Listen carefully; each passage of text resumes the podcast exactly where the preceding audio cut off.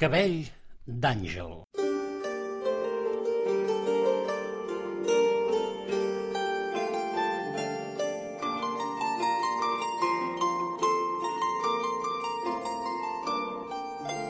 Vet aquí que una vegada, en un indret allunyat del poble, al vell mig d'un bosc, hi havia una caseta baixa de sostre que havia estat construïda Déu sap quan, amb rugoses pedres arrencades de les pedreres properes i segellades amb argila del gorg blau barrejada amb la palla dels sembrats. Dins les escletxes de les parets centenàries d'aquella casa es donaven a xupluc una munió de bestioles de tota mena, sargantanes, dracs, formigues, centpeus i aranyes. Les aranyes eren inofensives i encara que fessin cara terrible, solament teixien xarxes sota la teulada i enmig de les vigues, esperant mig adormides que alguna mosca distreta caigués al seu parany. A l'era de la casa hi havia un pou, un d'aquells pous que l'estiu dona una aigua ben fresca i a l'hivern més taviona. Pels murs del pou davallaven unes escabellades eures i el de dins les parets eren esgarrinxades per l'anar i venir de la galleda. Aquell pou era el bé més preuat de la família que vivia en aquella caseta. Vora seu hi havia un hort petit, com un puny, que era regat amb l'aigua del pou. I més enllà quatre pollancs que tremolaven quan el vent bufava, i altres arbres que donaven bona i dolça fruita. Aquí i allà, escampades per tota la rodalia, hi havia llenques de terra conreades de diferents tonalitats que semblaven retalls de roba estès al sol. N'hi havia de molt assaonades i d'altres aspres i poc amables pel cultiu. I també hi havia vinyes, oliveres, ametllers i molts, però que molts pardals esquerbs i baladrers que miraven de rampinyar el que podien d'aquella terra que, val a dir-ho, era poc germinadora. A dins de la casa es podien veure a les gruixudes parets unes estaques clavades amb penjolls de cebes, alls, tomàquets, panotxes de blat de moro i pebrots picant encartronats. A la llar de foc, vestida de sutja, uns troncs d'alzina es pategaven i llançaven cremallots lluents, quan el foc els hi arribava a les entranyes.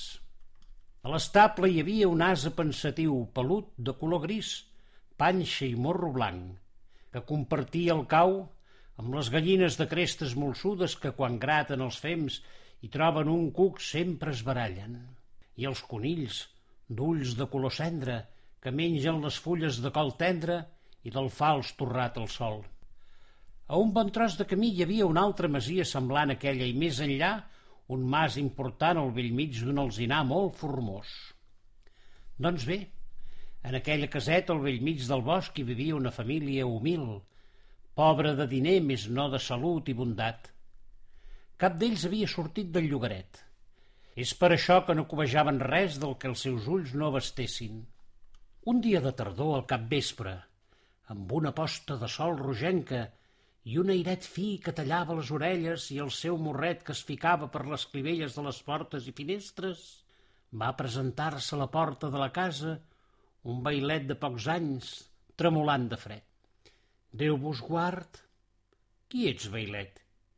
I com és que trisques en aquestes hores? M'he perdut al bosc i com que ja és quasi fosc i no sé trobar el camí, us voldria demanar allotjament sota la vostra teulada per passar-hi la nit. El bailet va ser acollit amb alegria i la segueren a taula per sopar. Que què hi havia per sopar? Doncs un bon plat de sopa de ceba, fet amb pa moreno, un tall de cansalada viada a la paella barrejada amb mongetes seques de collita pròpia, pa, vi amb porró per poder xerricar i per postres, avellanes, nous i ametlles. Va ser un sopar excel·lent. Seguts a l'escó de cara a la llar de foc, on tots temps hi cremava un gros tió d'alzina. I després a dormir damunt d'una màrfega de fulles de panotxa i tapats amb mantes de llana de veritat. A l'endemà, quan la boira baixa encara tapava el naixement del sol, aquell bailet, refet i espavilat, i amb la cara ben neta amb l'aigua del pou, va dir a aquella bona família que havia arribat l'hora dels adeus. He de marxar, sabeu, M'espera un llarg camí. Com puc agrair-vos les vostres atencions? Ves tan tranquil, bailet. El poc que tenim ens plau de compartir. Vull que tingueu un bon record meu, va dir el bailet. Us donaré un manyoc dels meus cabells. I agafant unes tisores va tallar-se uns quants rinxos daurats dels seus cabells i tot seguit els va embolicar amb un tros de paper. Teniu, bon home, vos que sou un bon pagès, guardareu aquests cabells en un racó de la calaixera i quan s'apropi la primavera feu un forat a la terra més assaonada de l'hort i planteu-los Tingueu fe i confiança. Adéu-siau. Va estrènyer la mà a tots i va partir. Encara el varen anar seguint amb la vista per tot el camí de roures arrenglerats. Després va vorejar el marge moradenc de la vinya dels Macabeus i, finalment, ja lluny, va desdibuixar-se rere la serreta dels Argelagues. I van passar els dies, lleugers, escapant-se com anguiles sorpreses, i també es fongueren les neus i s'acabaren les gebres de l'hivern i les postes de sol rogenques amb regust de llimona verdosa. I els abrigalls de pell ben adobada ja feien nos a les espatlles, igual que les mantes de llana sobre el llit, i per aquest motiu ho guardaren tot, com cada any, dins la calaixera, entre pomes de ciri i brots de romaní, entre pomes de ciri i brots de romaní que ho perfumaven tot, alhora que els guardaven dels estralls de les arnes. Precisament aquesta endreçada de roba va donar lloc a que trobessin aquell petit paquet amb els cabells d'aquell bailet que havia passat aquella nit de tardor a casa seva i que, francament, no hi havien pensat més. I recordaren el que els hi havia dit i ben mirat no els hi costava res de fer-ho. Així que feren un solc al costat de les tomaqueres, que era una bona terra, i varen sembrar l'estranya llavor.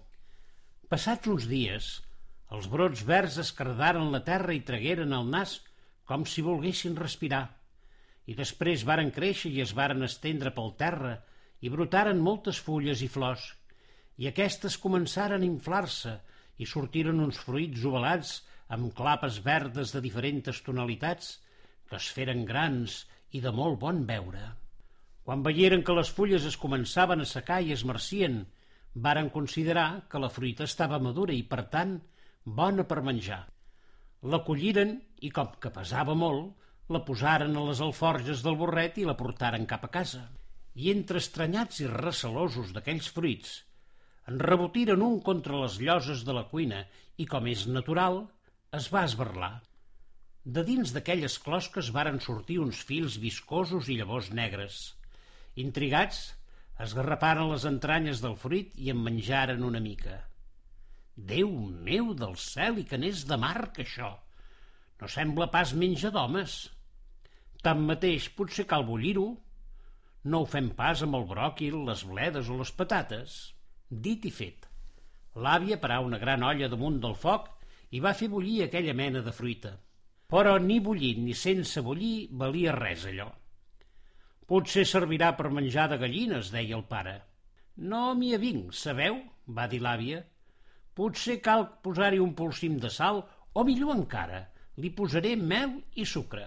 I sense pensar-s'ho més, l'àvia agafà tot aquell manyoc de fils, els posà dins d'una olla amb una bona quantitat de mel i ho posà a bullir sense parar de remenar amb una cullera de fusta, no fos cas que s'enganxés al cul de l'olla. La flaire que en sortia feia pensar que s'estava cuinant quelcom de bo. Fins i tot les mosques que romanien com adormides a la cortina de la finestra que donava al camp s'espavilaren i començaren a bronzir, flairant el baf que sortia de l'olla. No sabem si l'àvia resava o cantava. El que sí podem dir és que estava completament embadalida amb la feina que realitzava i un xic preocupada per la responsabilitat. Després de bullir una bona estona, van buidar el contingut dins de la plata gran perquè es refredés.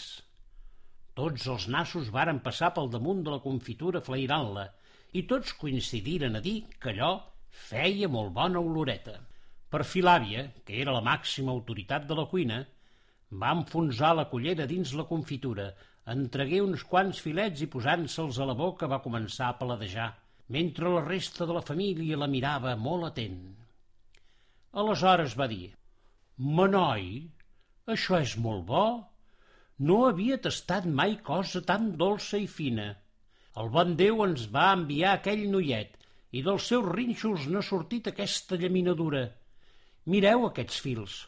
Oi, que semblen cabells. I en un tres i no res, aquella plàtera farcida de l'estranya minja va quedar ben neta.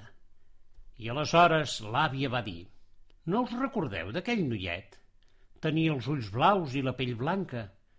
Semblava un angelet d'aquells que surten a les pintures. Tothom va callar.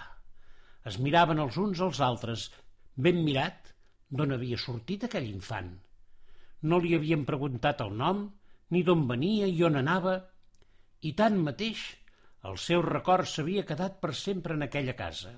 Us dic que era un àngel, va dir l'àvia. Ho sé, m'ho ensumo, un àngel que ens ha deixat els seus cabells com a record.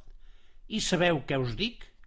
L'àvia, aleshores, va prendre un posat tot seriós i com aquell que dicta una sentència va dir «D'ara en endavant, d'aquesta confitura en direm cabell d'àngel».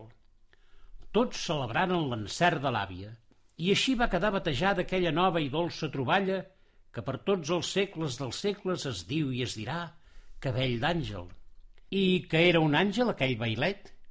Ja ho podeu donar per ben segur, perquè els àngels són d'aquesta manera, i quan baixen a la terra no baixen per fer la gent rica o orgullosa o ambiciosa, no, que baixen per endolcir-nos la vida, i amb això ja en tenen ben bé prou. I és ben bé que els pastissers tenen la sort de semblar-se una mica als àngels, perquè no fan sinó endolcir-nos la vida.